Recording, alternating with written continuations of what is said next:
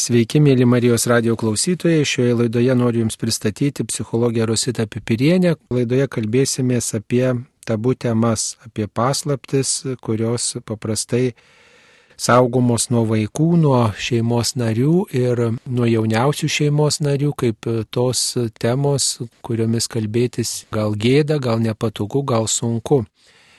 Laidos pradžioje, mėla Rosita, aptarkime, kokios tos temos yra tabų temos, tos paslaptys, apie kurias šeimoje su vaikais yra nekalbama. Labadiena. Tai žinokit, su tom visom paslaptim dažnai būna, kad šeimos turi savus tarsi kažkokius stereotipus, va apie šitą galima kalbėti, apie šitą negalima. Ir kartai susikuria tokius asmeninius, bet šiaip yra tokios kaip ir bendražmogiškos, kur sakoma, kad vaikai per maži ir jie tikriausiai nesuprastų dalykų, arba jiems bus per sunku, per baisu tai priimti arba kažkaip jie į tai reaguos, pavyzdžiui, labai emocingai ir tėvai nesustvarkys su vaiko emocijom. Tai yra įvairūs dalykai susiję su gimties ir mirties dalykais. Tai pavyzdžiui, pats gimties stebuklas ir paties vaiko ateimas į šį pasaulį, gimimas, taip pat yra sesių brolių gimimas, lygiai taip pat apie mirtį, Vat, pavyzdžiui, giminių mirtis, vėlgi persilydimai įvairūs dažniausiai slepiama, nes tai yra na tokios labai kraštutinės temos. Mirtis ir gimimas yra visada šio laikiniam žmogui kažkaip tai nu, neįprasta. Seniau kažkaip žmonės primdavo ir mirtį, ir gimimą natūraliai, viskas vykdavo tarsi toj pačioj šeimoje, giminiai. Dabar atrodo, viską saugot, reikia slėpti, mirusi žmogų vos nestaigiai deginti ir kad niekas nepamatytų, net atrodo tai baisu, atsisveikinti neleidžia vaikams su mirusia ten mačiute seneliu, jeigu ten labai stiprus buvo ryšys, net nesako, kad miršta.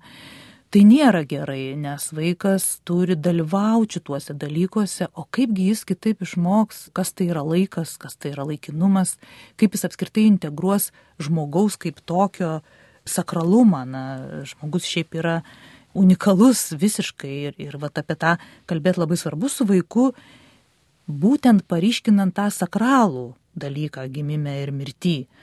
Ir neišvengiamybę.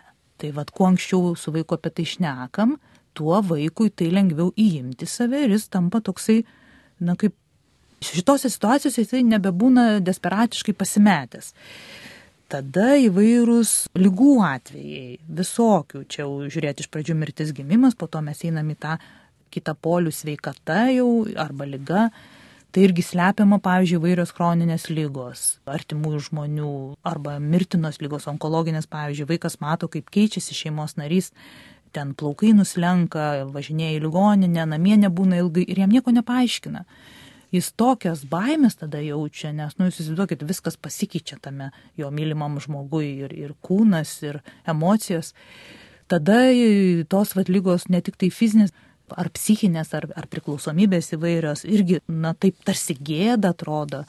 Įvairūs priklausomi asmenys šeimoje, pavyzdžiui, lošimai, alkoholizmas, darboholizmas dabar labai nauja tokia priklausomybė, kodėl tėtis ir mamos ar ten kitų artimųjų taip ilgai nebūna namie, kurie dedasi. Galų galia tie patys kompiuteriniai žaidimai, suaugę žmonės irgi gana dažnai nuo jų priklausomi būna, vaikams tarsi neleidžia nuo interneto, nuo, socialinių tinklų, o patys ten tūno įlindę. Ir jokių būdų to negalima sakyti vaikam, nes, na, nu, kaip čia dabar, tai aš vaikui neleidžiu, tai kaip aš išsiduosiu, kad aš turiu ten tėtis ar mama kažkokias priklausomybės. Ir vaikas į tai irgi reaguoja labai jautriai, nes jam tai nėra aišku, jam tai nėra saugu ir jisai tada linkęs arba iš to nesupratimo, iš to pasimetimo save kaltint, kad jis gal čia kažką netaip daro, kad tėtis ir mama keičiasi, ar kažkas su jais atsitinka, ar ten seneliai, nežinau, tėtos, dėdės, broliai, sesis, visi kiti šeimos nariai. Arba jis tada pradeda labai nesaugus jaustis ir jam pasaulis labai pavojingas pradeda atrodyti. Nes čia yra tie žmonės, kurie arčiausia jo ir jeigu jie slepia labai akivaizdžius vaikų jau seniai matomus dalykus, vaikui tai atrodo kaip labai labai nesaugu. Ir tada jam formuojasi nuostata, kad pasaulis nesaugus, aš jo nesuprantu kaip tokio va to pasaulio, artimieji žmonės man nepaaiškina, nenuramina. Ir iš kitos pusės tada tam vaikui neleidžia irgi kalbėti apie tai, kad jis bijo, arba jam pikta, arba jam liūdna, ten labai daug visokių jausmų kyla. į tas sudėtingas va, situacijas, mirčių, lygų ir panašiai, tai jis negali ir jausmų išlieti. Ir tai kur jam dėti visą tai? Tai va, ir sukrinta į vidų ir tada visokie vaikų sutrikimai, negalavimai, tada tėvai eina pas psichologus vaikų ir sako, kodėl mano vaikas šlapinasi į lovą, kramto nagus, arba ten muša vaikus mokykloje, darželį, ar save žaloja. Ir klausiam, o tai kaip pat yra su istorijom visokioms, visko kartais būna, kad tik po tam tikro laiko pasirodo, kad yra slepiamų daug istorijų, sudėtingų tokių. Ir vaikas tiesiog, nu, įkritęs į tą savižalą kažkokią ar į agresiją į išorę, nes, nu, kol vaikas mažas, jis tai arba save žaloja, kai jam labai nesaugu, arba kitus. Tai savi agresija arba agresija būna. Tai savi agresija gali būti ir depresinis fonas, ir tas vadinamas toks apatinis, nebūtinai tik tai agresyviai su savimi elgesi vaikas, kai jam sunku. Tai va tokie gal stipriausi būna taškai, kur labai pavojinga yra nutilėti. Yra dar visokių kitokių niuansų Kitas dalykas, dėl ko tėvai įsivaizduoja šitas temas tokias neliečiamas ir dėl ko jiems sudėtinga apie tai kalbėti ir kiti saugia. Nes tarp mūsų saugusių žmonių šio laikiniam pasauliu tos temos irgi yra tabu. Ir tai yra, žinokit, man kartais, nu, nesuprantama. Kartais žmogus saugęs kitam draugui, savo bendramžiui, ar ten darbuotojui, ar dar bijo prisipažinti, kad susirgo onkologinė lyga tarsi tai gėdinga kažkaip tai. Ir aš taip klausau ir galvoju, bet palaukit, tai o kas čia kur kaltas, tai yra tiesiog duotybė, tai yra kūnas, jisai įvairių turi dalykų ir, ir lygų ir visko. Gal dėl to žmonės gėdijasi apie tai kalbėti su vaikais arba nenori kalbėti, sakydami, kad užauks vaikas ir tiesiog dar tų problemų prisižiūrės. Prisižiūrės mirčių, prisižiūrės visų kitokių ten netekčių ir sunkumų ir mokysis suaugęs, kaip tai spręsti, dabar tegul būna laiminga jo vaikystė. O su suaugusiais mes apie tai nekalbam, nes įprasta visuomenė būti sėkmė žmogumi. Jeigu aš turiu kažkokių problemų, tai kažkas negerai su manim, reiškia, dėl kažkokios kalties, mm. dėl nepavykusio gyvenimo, va, visi tokie sėkmės žmonės, visi gyvena apščiai, turi ryšių, mm. klesti, o man va nepasiseka, tai kuo aš čia girsiuos, tai geriau aš susigūšiu ir su savais apie tai kalbėsiu, ar ne todėl. Tai tikriausia, kad todėl, bet labai labai liūdna, kad taip atsitinka ir, ir tikrai, nu, atrodo, tai ir taip tas žmogus jau turi didžiulį krūvį, jeigu jis turi visų priklausomybių ten puokštę, ar ten tas lygas kažkokias, ar sudėtingas situacijas, bedarbystė, pavyzdžiui, kas irgi atslepiama kartais nuo vaikų. Kaipgi čia pasakysi, nes irgi gėda, arba argi vaiką apkrausi, nu, kad vienas iš suaugusių žmonių šeimoje prarado darbą, bet vaikas turėtų tai žinoti. Ir galim pasikalbėti jau nuo trijų metukų su vaiku pilnai, kad va tokia situacija, dabar gali būti, kad trupučiuką mažiau pirksim ten kažkokių tai prabangos dalykų, trupučiuką reiks pataupyti, galim vaiko paties paklausti, o kaip tu galėtum pataupyti. Vaikai tada gauna tokį palaikymą ir jie rimtai, žinokit, susikaupę gali taupyti, ten po 20 centų nuo savo arbatpinigių atideda kažkur.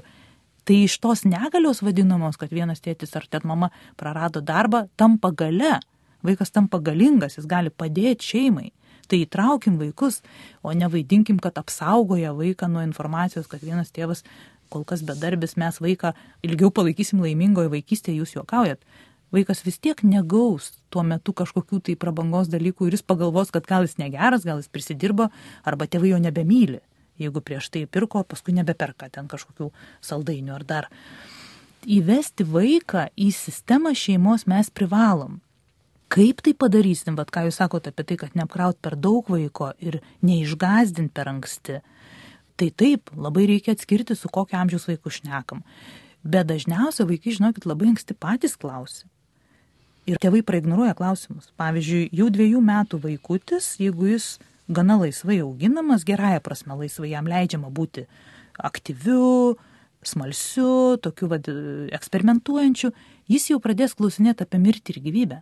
Dviejų metukų, įsivaizduokit. Pražiopso, žinokit, tėvai. Ir kada tai yra svarbu ir kada svarbu įsitraukti, tai tai būtent kai vaikas paklausia. Arba labai įdomus tie klausimai apie gimti, gimties stebuklą vaikų mažų. Iš pradžių jie klausia, iš kur atsiranda vaikai. Tai ir nereikia daugiau pasakoti. Yra klausimas, iš kur atsiranda vaikai. Tai ir atsakykim. O dažniausiai tėvai jau tada stuporė sėdi. Dviejų metų vaikas klausia, iš kur atsiranda vaikai. O jie tau ką daryti? Oh, kaip jam pasakyti? Paprastai, vaikiškai. Kad pas mamą va čia pilvūkį yra tam tikras namukas, kuriam tas vaikas atsiranda ir ten auga, auga, auga, išauga per didelis, nebegali tilti ir jis gimsta. Ir tu taip gimėjai ir viskas vaikui aišku. Dvi metukas dažniausiai daugiau neklaus, jam aišku. Trimetukas arba keturių penkių, kaip kurie vaikai jau klausia, o kaip jūs mane ten įkišote? Tai va tada jau prasideda tėvai, o jie, tau čia apie seksą pasakot? Ne. Kaip įkišote, nu tai ir sakai, va yra tėčio, nu va toksai kaip organas, kuris gamina va vaiko pradžios ten kažkokį tai, nu, nežinau, spermatozoidiuką kartais taip sako, arba tokį dulkelę, nu ten visai vadina tėvai gražiai. Tai yra 3-4 metų vaikas, tai mes kalbam jo žodžiais. Ir va tas namukas, apie kurį aš tau pasakojau, jie dažniausiai atsimena vaikai, žinokit, netiesiogiai, bet metafora kažkokia jiem lieka vis tiek, kad jie atsirado iš kažkokio ten stebuklingo namuko mamos pilve. Ir va tada į tą namuką ateina tas spermatozoidžiukas ir apsigyvena. Ir va taip atsiranda vaikutis. Tada jau mažam vaikui atsiranda jausmas, a, tai tėtis, a, tai čia. Ir dar labai svarbu pasakyti, kad čia iš meilės. Nes va tėvai labai bijo, sako, juk aš dabar kalbėsiu apie seksą tokiam mažam vaikui. Tai ne apie seksą, sakau, jūs apie meilę kalbat. Bet paaiškinat, kad vaikai neatsiranda, kai įsimylė. Nes esu ne vieną turėjus atvejį su mokyklose, kai dirbdavau jauni žmonės, ten 12 metų galvoja, kad jeigu pasibučiavau, tai pastot galiu. Buvo tokių atvejų, nes kažkada ar mama ten kažką panašiai pasakė. Jie labai rimtai priima viską. Arba įsimylėjau. O čia jau, čia gal tada ir tie vaikai atsiranda. Atrodo dabar, žinokit, kaip nesąmonė, ne, bet aš konkrečiai tuos atvejus turėjau. Tai patikėkit, kas paskleidė šitas istorijas kabutėse.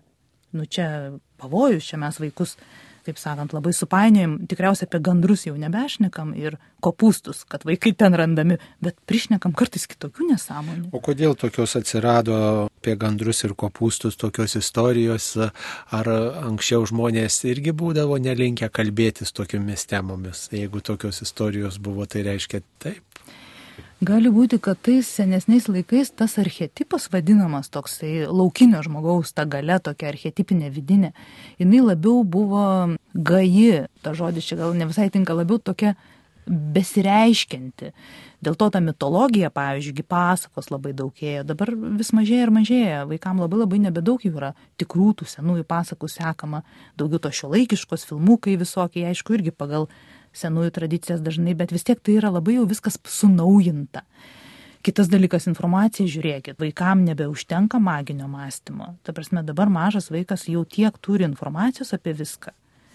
Tai kad jam jau reikia irgi, kad pakonkretintų žmonės, kad magiškai nebeišeina papasakot, kad Dievas atsiuntė vaikelį, o gandras atnešė. Toks trupučiuką nu ir žinių, žingeidumo reikalas. Mes labai dabar esam žinių pasaulis ir mes labai daug jų turim, tai lygiai taip pat maži vaikai. Ir informaciją kitokią gaudo, jau ten dviejų metukų vaikas, jisai sėdi šeimoje prie stalo ir jis klausosi, kas vyksta, eina žinios, dar kažkas, televizorius, radijas. Jie taip sugauna daug stipriau tų konkrečių žinių iš visur. Dėl to magija jinai yra, iki septynių metų vaikas labai labai daug maginio mąstymo turi, nes jis taip auga, jis taip turi save iš to utopinio mąstymo, fantastinio pervesti tą realų. Dėl to pradžia visų šitų sudėtingų temų turėtų būti gana tokiais vaikiškais žodžiais, tokiais šiek tiek magiškais. Čia kaip aš kartais sakau, kodėl verta vaikams irgi meluota, ne, negražu gal sakyti meluoti, bet taip, kad yra kalėdų senelis. Nu todėl, kad vaikai tame mato kažkokią dovaną, kažkokį džiaugsmą, kažkokį apdovanojimą tokiu nu, netikėtumu, kad stebuklai egzistuoja. Kitas dalykas, kartais irgi sakau, kad jeigu jum kalėdų senelis atrodo per daug neįprasta, nu tai kalbėkime apie Jėzų, kalbėkime apie Dievą, bet reikia to vaikų jausmo, kad jis yra gelbėjimas arba apdovanojimas taip kažkaip besalgiškai. Tai ta kalėdų dvasia, kūčių ir va toj tamsiausioj mūsų laiko vietoj, nu, geografiniai zonai Lietuvoje, ta tikrai tokia juoda tamsa ir vaikui taip ups, tas, nu, atseit melas, bet iš tikrųjų tiesa Tai maginis mąstymas pats iš savęs ir kopūstai ir gandrai viskas yra gerai. Jis nėra neišprusimo ženklas ar tėvų kvailumo, ar dar kartais vaikai sako, tokie nešiuolaikiški mano tie tėvai. Tegu lieka magija, bet jinai po truputį tampa vis tiek jau labiau į tą mokslą. Nu, dėl to gali būti, kad vaikas, nu, jis jau anksčiau sužinos viską, o mes apie kopūstus šnekėsim, nu, jis sakys, nu, nu žinai, mama, tėtė, nu, nu tikrai, atsiprašau. Tai dėl to tėvai irgi turi matyti šitą ir, ir kad pasaulis, nu, nestovi vietoj. Galų galia tais laikais, matot, viskas buvo kartu, gimdė namuose, vaikai matė tą realiai, mirdavo namuose, namuose šarvodavo žmonės, vaikam nereikėjo aiškinti šitą. Jie tiesiog žinojo, matė savo makytėm, dabar nu viskas slepiama ir nusaugusių, nes jie patys bijo tų temų ir laikinumo, senėjimo labai bijo saugę žmonės, net nekalba apie tai, ignoruojama yra visa medicinos farmacijos sistema pajungta neikti senėjimą, bet taigi čia yra duotybė. Tai anksčiau viskas suprantama buvo, dėl to gal ta magija tokia su kopūstais buvo labai natūrali, kaip truputį pašvelnint, nes vaikas savo akim matė gimti. Vaikų ten nieks per daug neišvarydavo. Na, aišku, gal jie nebuvo gimdymo kambarį, bet viskas tas kūdikis atnešamas matoma ir vaikas primdavo natūraliai. Kaip ir dabar žinokit, vaikai mirti priima natūraliau negu saugia.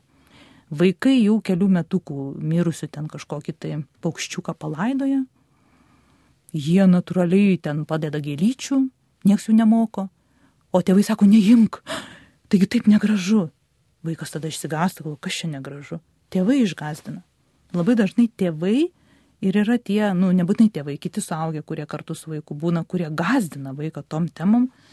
Bet ar nėra taip, kad vaikas tą paukščiuką ar ten e, kokį žvėrelį rastą laidoja todėl, kad jau yra buvęs laidotuvėse, kad mato, jog kažkas e, uždėjo gėlių ant kapo, pastatė kryželį, aš prisimenu savo vaikystę, tai mes tą darydavom, nes buvom laidotuvėse ten kaimynų, giminių ir žinojom, kad vat, supilamas kapas ir padedamas kryželis, tai tada jau žinojom, kad ir paukščiukus reikia palaidoti ir tada negalima lik niekur nieko viską palikti, reikia būtinai kažkokį ženklą padėti, bet tai jau mūsų patirti buvo, o jeigu vaikas jisai yra saugojamas nuo bet kokio mirties fakto su tą mintimi, kad užauks ir prisižiūrės dar tų laidotuvių, dabar nereikia tai tada vaikas ir nemokės turbūt Taip. elgtis net ir su tuo žmogum, kuris serga arba miršta jo aplinkoje, kai jis užauks, nes jis bus saugotas visą gyvenimą. Taip. Čia labai pavojinga. Iš kitos pusės aišku, kad jie atkartoja tai, ką matė ir jie tą daro pavyzdžio būdu, ta prasme, įma pavyzdį jau iš buvusių patirčių. Bet duotybė, žinokit, yra pas vaikus. Vaikai yra apdovanoti natūralumu. Iki tam tikro amžiaus, kai tėvai juos ar kiti suaugę perkeičia vaikui mirtis kaip tokia natūrali, kol jis dar nėra atėjęs į kitų žmonių įteiktą jam jausmą, kad mirtis baisi.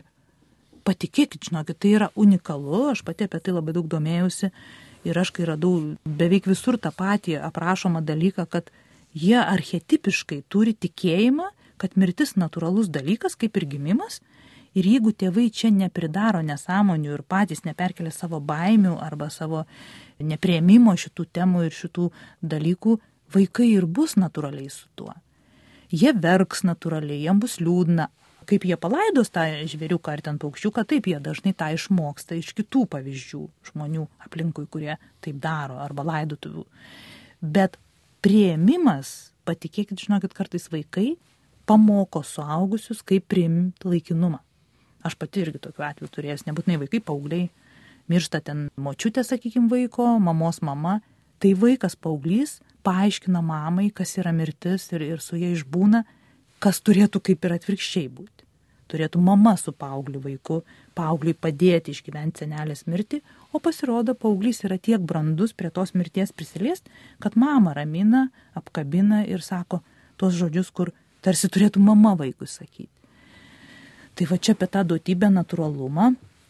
Ir dėl to vaikų nereikia saugot nuo šitų sudėtingų temų, nes jie viduj turi gebėjimą visą tai suimti ir išgyventi. Mums tik reikia padėti jiem tą padaryti. Ir jeigu miršta vaiko labai artimas žmogus, močiutė, ar ten mama, tėtis, nedaug dievė, ar kiti ten broliai, sesės, ar kas, privalom apie tai kalbėti ir leisti vaikui kartu išsiverkti arba patys net paskatinti kartais vaiką liūdėti ir verkti. Ir tai nebus, kad mes vaiką kažkaip tai na, netausojam jo ar kažkaip jį specialiai kišam į sunkus jausmus. Ne, mes provokuojam, kad jis juos išlietų. Ir kuo greičiau išlies, kuo daugiau tai įvyks kartu, tuo lengviau jo gedėjimas praeis ir tuo lengviau jis atsisveikins su tuo kažkuo, ko neteko. Tai čia yra atvirkščiai dabar kažkaip diktuojama, kad saugokim, nes atseit tada vaikas bus laimingesnis ir mažiau nusivylęs, mažiau pažįstas, bet dažniausiai atvirkščiai būna, vat, kaip jūs sakote, jis paskui net nežino, kaip elgtis, kai yra netekties situacija ar kažkokia kita sudėtinga lyga ar, ar jo paties lyga. Jam tai atrodo pabaiga gyvenimo. Jis nematęs, kaip kiti susitvarko su lygom arba net labai mirtinai sergantis giminės ten kažkokie gyvena laimingą gyvenimą tiek, kiek liko jiem. Ir apie tai kalbama ir net jeigu mačiutė jau lovai guli nepaeina, bet jinai, pavyzdžiui, gal televizorių žiūri, džiaugiasi tuo, ar ten mesga ir va taip vaikas išmokamas gyventi, net kai jam pačiam bus sudėtinga ir jis sirgs. Man teko girdėti tokią istoriją, kad žmogus saugojo savo vaikus nuo apskritai mirties faktų kitų asmenų, nuo dalyvavimo laidutuvėse šermenyse, nes sako, kai aš buvau mažas žmogus, kaip dar buvau vaikas, mane nusivedė į laidotuvės ir pamačiau mirusį žmogų, pašarvotą ir sako, labai įsigandau ir nuo tada pradėjau bijoti tamsos, pradėjau bijoti būti likti vienoj vienas kambarį, tai sako, vat, mane tokia trauminė patirtį įstumė tas patyrimas, tam tikrą traumą tokią išgyvenau ir sako, dėl to dabar aš savo vaikus tengiuosi apsaugoti nuo bet kokių dalyvavimo šermenyse ar laidotuvėse. Ar galima sakyti, kad tai buvo trauminė patirtis, ar šiaip toks susidūrimas su tokiu mirties faktu ir ar taip teisingai žmogus išsprendė va šitą klausimą? Kad trauminė patirtis, tai pagal jūsų pavyzdį tikrai taip, bet žinokit, aš drįščiau sakyti, kad trauma buvo ne todėl, kad pamatė mirusį žmogų pašarvotą, o todėl, kad jam su tuo neleido pabūti ir nepadėjo kartu per tai praeit. Dėl to sakoma, kad kai maži vaikai, kad ir būna laidotuvėse, ar po jų, ar prieš jas, kai vežamės, bet čia į bet kokią sakralią vietą, kapinės vežam, į bažnyčią vedam, mes turim paaiškinti ir pabandyti vaikui suteikti kažkokią mini informaciją, kas bus, kaip bus. Nes, pavyzdžiui, vaikai kartais atsidūrė laidotuvėse maži, seneliai mato karste ir jie sako, labas seneli, ten čiumpa už rankos, nes jie nesuvokia, kad jis nejudės ir jam tada tam mažam vaikui šokas, jis tiesiog panikoje gali pasijusti. Tai perspėti šiek tiek įvesti. Ir problema ta būna, kad artimieji tuo metu, kai yra mirties atvejais, jie visiškai pamiršta, kad vaikui reikia dvigubo dėmesio. Net penkiagubo kartais jie tiek savo skausme būna savo netekty, kad jie pamiršta, kad vaiką reikia pravesti per tai. Tai aš spėju, kad tas pavyzdys, kur jūs paminėjot, ne tiek pats faktas išgazdino ir traumą sukėlė, kiek kad tame fakte vaikas buvo paliktas vienas. Ir jis neturėjo kam išpasakoti šito siaubo. Nes jeigu tas siaubas būtų išpasakojęs, kitą dieną dar kitą po savaitės, saugę būtų išbuvę išklausę, papasakoję, kad gali tai būti, kad savo patirtim pasidalinę, kaip jie maži, kartais irgi galėjo ten būti laidotuvėse. Ir viskas. Nebūtų tas dalykas iš taip seniai dar vis atakavęs šitą žmogų, kad jis savo vaikus saugo be reikalo, nes jo vaikai tai nėra jis pats. Ir tada perkelia, kaip mes taip vadinam kartais, kad tėtis ir mama, kurie nesutvarkė savo buvusių traumų, jų įtampą neigiamą perkelia ant vaikų. Ir vaikus saugo nuo atseit tokios pat galimai atsitinkančios traumos, bet iš tikrųjų tai jie savo problemas perkelia ant vaikų netiesiogiai ir vaiką padaro trupučiuką neįgalų, nes galbūt, kad tie vaikai priima tą mirtį, jie moka su ją būti ir ten taip ir taip, o tėtis vad galvoja, kad ne, nes jo patirty buvo labai labai baisus patyrimas, kur suaugę neįsikišo ir nepadėjo jam išlipti iš jo. Dėl to šitos temos ir yra sudėtingos. Bet gal dėl to tos temos sudėtingos ir tokios sunkios yra, kad mes suaugusiai nemokam, kaip su vaikais kalbėti, kaip Taip. vaikui papasakoti apie savo patirtį, paklausti, kaip tu jautėsi, ką tu čia išgyvenai, ką tai reiškia, kodėl ten, pavyzdžiui, tas miręs žmogus buvo toks suveidas, ten, pavyzdžiui, mm -hmm. truputį kitoks negu kad gyvo žmogaus, kodėl ten, vienu žodžiu, gal kažkas kitai buvo, kas atrodė ir baimė, ir tokį nerimą kėlė, kodėl ten verkė žmonės. Tai gal nemokam apie tai kalbėti su vaikais, kaip čia reikėtų to išmokti, ar čia reikėtų pas psichologus kreiptis, ar tiesiog kalbėtis natūraliai, žodžiu, su pavyzdžiais kažkokiais kaip čia. Pirma, tai savo pasakyti, kad tos temos yra kasdieniškos, nors jos atrodo labai dramatiškos, bet mirtis, gyvybė, lyga, tam tikri netekimai įvairūs, persikrūstimai, kas vaiką irgi gali neigiamai veikti, jeigu mes tylim, dėl ko tai įvyko.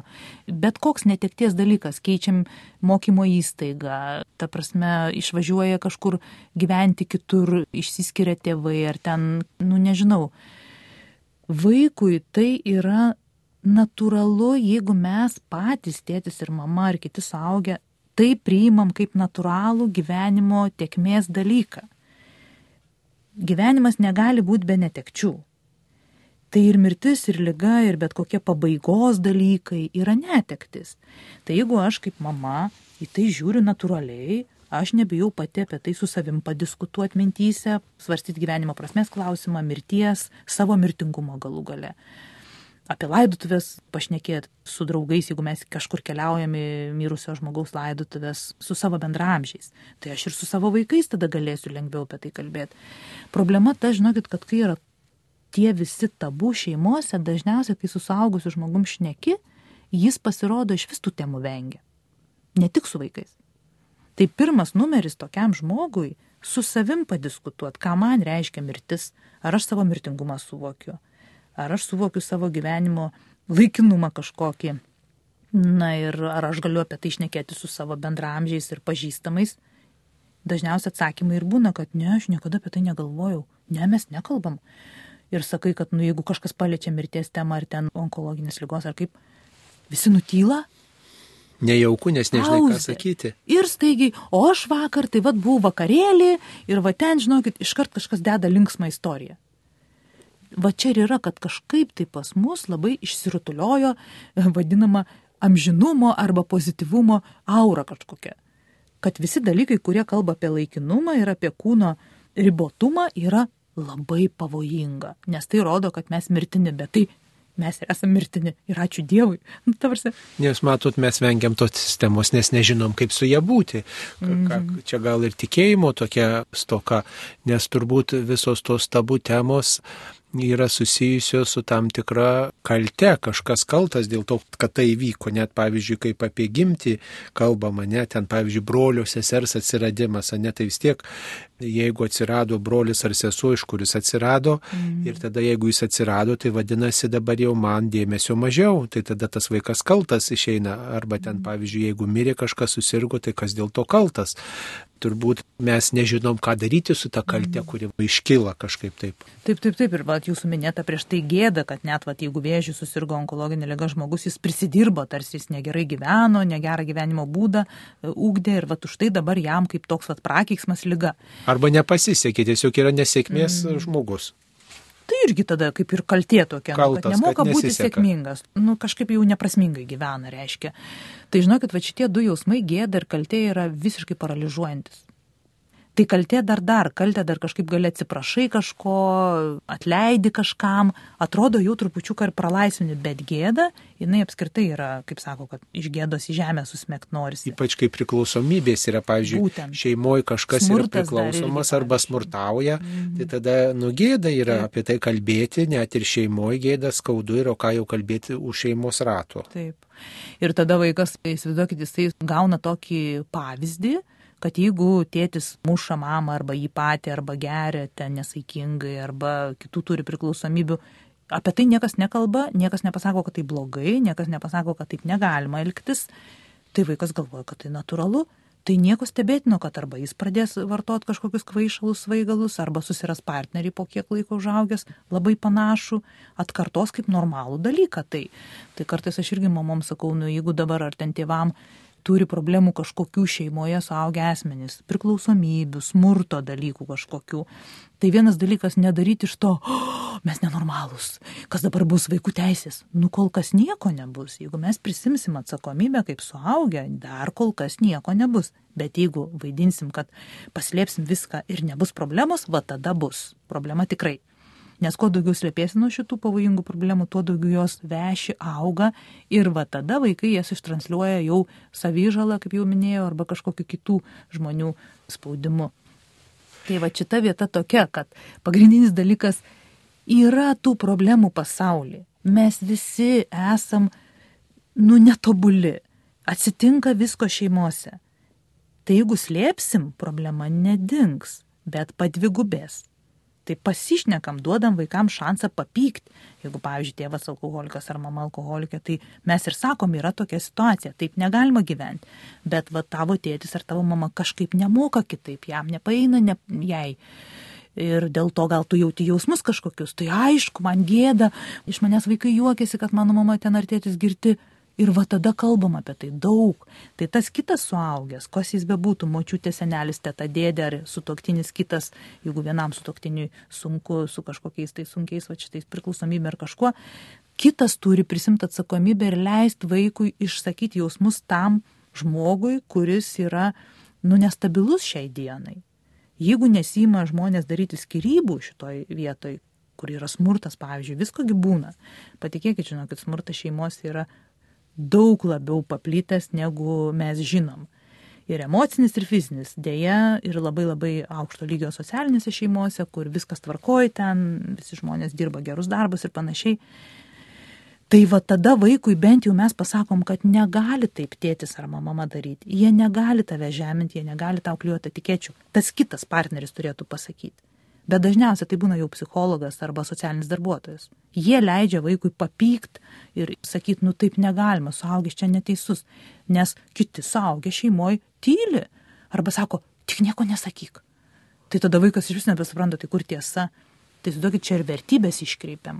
Tada tarsi smurtas arba priklausomybė laikoma teigiamų dalykų šeimoje, nes vaikui neleidžiama turėti neigiamų jausmų į tai. O kaip čia įpintume tikėjimo temą, kai kuriems žmonėms tai yra proga kalbėtis apie Dievą, kai prisiliečiama prie tabų temos, kaip pavyzdžiui apie tą gimti, kalbam apie vaiko gimimą, arba pavyzdžiui apie šeimos nario mirtį, arba apie kažkokią netekti, kad Dievas leido patirti išbandymą. Va, tai Dievas mums siunčia tokią sunkę pamoką, tik tai nežinom, kaip dabar spręsti, bet čia turbūt yra toks pavojus, kad kaltas bus Dievas vis dėlto dėl mm. tos tabų temos tokio keliamo sunkumo, dėl tokio trauminio patyrimo ir tada apkaltinsim ne kokį žmogų, kurį aš myliu, bet Dievą, apie kurį tiek mažai žinau. Tai žinokit, čia geresnis variantas, nes Dievas išlaikys. Padėkėkit, Dievas netiek išlaiko ir, ir jam tai yra natūralu ir suprantama, jis pasiruošęs viską priimti, ką mes turim per sunkaus. Bet, Bet geriau nepriešinti tų dalykų. Dievas ne kaip prakeiksmą siunčia, ne kaip nuobaudą kažkokią bet kaip kažką, iš ko mes galim kažką gauti ir tapti stipresni, ar ten brandesni, ar dar. Tai pavyzdžiui, čia, nu tikrai aš kartais paaugliukai konsultuoju ir kai jie papasakoja, ką jie ištvėrė per gyvenimą. Aš taip sėdžiu, galvoju, nu nerealu, tai yra penkių žmonių gyvenimai jau dabar, o jam ten penkiolika ar jai šešiolika. Ir mes ir kalbam apie tai, kaip tai atsitiko. Bet žinokit, kaip taisyklė, tie va tokie vaikai, jie jau būna apie Dievą ne vieną kartą pagalvoję ir jie ne vieną kartą jau buvo jam atidavę viską tyčia, netyčia nežinau, bet aš kuo daugiau matau sutrikusių arba apleistų arba pažydžiamų vaikų jaunuolių, tuo daugiau pas juos vis tiek yra Dievo klausimas keltas. Nebūtinai suaugę jam tą padeda padaryti, jie patys dažnai, bet kartais ir suaugę. Tarsi atsiranda tie, kurie reikia žmonės arti, sielovadininkai ar kažkokie, kad ir bendramžiai, vat, kažkaip tos žmonės įtraukia ir sako, kad vat, kaip čia Dievas, ne ką čia Dievas. Tai jiem pavyksta suprasti, kad Dievas nebaudžia, o duoda šansą. Ir kad šansas kartais gali būti ganėtinai sunkus. Tai yra sunkus išbandymas, bet jis yra šansas. Ypatingai tas sunkus išbandymas yra, kai toks mylimas žmogus miršta, Taip. pavyzdžiui, kai netenki to žmogaus, kai ten, pavyzdžiui, skirybos ar kažkoks nuostolis, nu, tai dar gal kažkaip galima atitaisyti ar sugražinti, ar kažkaip pasiekti tą žmogų, kuris ten išvyko, paliko ar panašiai, o mirties atveju tai atrodo jau tikrai tas pats Dievas kaltas, kad tai mm. pasielgia ir tada tas šansas, ar jis pakeliama žmogui. Tuo vaikui. metu, kai jis galvoja, kad Dievas kaltas, nereikia apie jokius šansus dar šnekėti nei ir artimiesiam, nei psichologui, nei kitam palidėtui pagalbos specialistui, reikia leisti pykt. Kol žmogus neišpyko ir nepraėjo tos stadijos apie kaltinimą viso ko, ir savęs kaltinimą dar gali būti, tos kalties arba pykčio, kodėl man, kodėl taip, kodėl taip žiauriai. Ir kartais tiesiog klausant, vien klausant jau mes tam žmogui padedam. Problema ta, kad žmonės, va ir tie patys šeimos nariai, neišbūna su šita to žmogaus skausmo istorija. Tai yra labai sudėtinga. Mes visada pasiruošę padėti. Mes labai norim būti galingi, reikšmingi, o čia reikia išbūti. Ir, pavyzdžiui, kai miršta mama tėtis anksti, ne, našlaičiais lieka žmonės, jie apie tai pasakoja. Ir aš suprantu, kad yra, nu, bejėgiška. Tarsi tai yra siaubas visiškas. Bet aš būnu. Aš toj vietoj sugebu suvokti, kad aš ne visa gali. Dievas suprato, ką reikia padaryti laiku, padarė, o dabar mes būnam. Tai kartai, žinokit, žmogui sakoma šitoj vietoj, kad, nu, palauk, palauk, tu čia jau per daug kalbi dėl to, kad klausytojas neištveria. Jis negali suvokti, kad ne jam spręst, kas mirs, kas gyvens. Dievas sprendžia. Ir įvyko faktas jau. Netekties mirties negražins atgal. Vienintelis pagalbos dalykas šitoje vietoje kenčiančiam yra būti su jo kančia. Ir tai patikėkit yra daug sunkiau, negu staigiai ieškoti patarimų arba kaltinti kažką kartu su juo. Nes tas klausytojas, kuris visą tai gauna į save, jis turi būti nu, nerealiai ir stabilus, ir tikintis, ir nesusireikšminęs, kad atiduot galę dabar kalbėtojui, išsilieja ir tie jausmai po kiek laiko keičiasi. Bet reikia duoti išlieti juos. Tai gali būti ir Dievas keikiamas, ir jis pats save keikia kaip žmogų, nes prisidirbo arba padarė įtaką, keikia tą žmogų, kuris mirė, nes kaip jis taip galėjo mane palikti. Ir gerai, ir tegu keikia. Su visais įmanomais kiksmažodžiais. Dabar reikia duoti išsilieti. Tai dažnai ir būna, kad psichologas ir tampa va tas, pas kurį gali, nes visi kiti sako, oh, kaip tu taip gali kalbėti, tavo mam mamytė mirė, tu dabar taip su ją, oh, apie mirsus tai gerai arba nieko, žinai, o tam žmogui, tam vaikui, nu jam tiesiog reikia išsiliet, kad jis nesusproktų vidui. Tai išbūti su šituo žmogaus kentėjimu, va tuo tokiu, nu, siaubu tokiu nėra lengva, bet visada tai keičiasi į kažką kitą ir tas kietėjimo etapas keičiasi į kitokį prieimimo, ten liūdėsio, tada ašaros pasipila, po ašarų ateina jau toks, o tai kaip bus toliau, jau tokios malsumo, tai kas per gyvenimas mano dabar, gal dar ir visai nieko, gal aš dar kažką kitą galiu padaryti. Tai vad, nu, ta netektis, ačiū Dievui, jinai turi procesą, visada, gedėjimas yra procesas. Svarbu tik tai, kad tie jausmai neužstriktų. O vad, kai yra tabu šeimoje, tai jausmai užstringa vaiko viduje dar daugelio šeimų tokia išeitis, svarstant apie tas tabų temas, tai vaikui duoti mobilų telefoną arba pats vaikas tą telefoną pasiima ir sako viską ten ir sužinos, ką man čia dabar kvaršinti galvą, ten yra visokių ir patarimų, ir specialistų, ir pasaulis ten platus, ir žodžiu, ten viską ir sužinos, kam man čia dabar, taip sakant, aušinti burną. Turbūt ir jūs susidūrėt su tokiom situacijom, kai vat, tokiu būdu sprendžiamos tos jautrios temos, kad apie tai nekalbama, bet vaikas paliekamas interneto platybėse arba socialiniuose tinkluose apie tai sužinoti. Tai aišku, kad taip ir su draugais kartu ten visko prisižiūri ir pasižiūri ir kaip ten atrodo ir, ir seksualinis švietimas irgi kartais būna, kad tarp bendramžių daug stipresnis yra negu kad suaugę kažkaip įvestų į tą temą ir pasiklaustų, ką vaikas jau žino, pavyzdžiui, nes nu kartais suaugę daro klaidą su litiškumu vaikui pradeda pirmi aiškinti, kas tai yra, o aš kaip jau sakiau pradžioj, reikia palaukti vaiko klausimų arba paklausti, nu vyresnis vaikas jau klausimų nebeduosis, biški gėdys jau dažnai kūno temos į tėvus, jeigu kreiptis tai paklaustų, tai tu ką žinai tos temos lygmenį, tai kartais tie vaikai žino daugiau už tėvus. Bet negi vaikas jums ir pasakos tėvam gal. Klauso, kokį ryšį sukūrėm nuo pradžios vaiko auklėjimo ir buvimo kartu. Kitas dalykas yra apie tą sakralumą. Žinot, man tai labai norisi visur palikti sakralinio kažkokio tai to elemento, nes, nu, ir mirtis, ir gyvybė, ir, ir bet koks, nu, kūno, kūnas apskritai irgi sakralus. Tai yra toks nuostabus dalykas duotas žmogui ir mes, aišku, jį turim ir gerbti ir mylėti, bet tuo pačiu ir turėti kažkokio tai dvasinio, va tokio, nu, kad kūne gyvena, siela gal jinai kitur, jinai visur, bet emocijos, protas, viskas į mūsų suėję, tai tas kūnas yra nuostabus dalykas, jis viską apima, viską laiko, tai su juo irgi reikia gražiai elgtis, o ne kaip kažkoks išnaudojimo, nežinau, kažkoks tai įrankis čia dabar.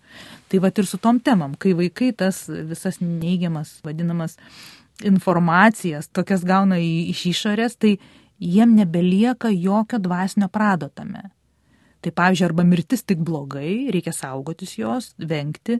Gimimas tai yra tik tai seksas, ta prasme, jie nebesupranta, kad gimime gali būti ir dvasinis elementas, tai yra stebuklas tas mažo vaiko ateimas. Ir tada tas seksualumas irgi tampa tik išnaudojimu, paimti arba atiduoti viens kitam kažką kūno ligmenį.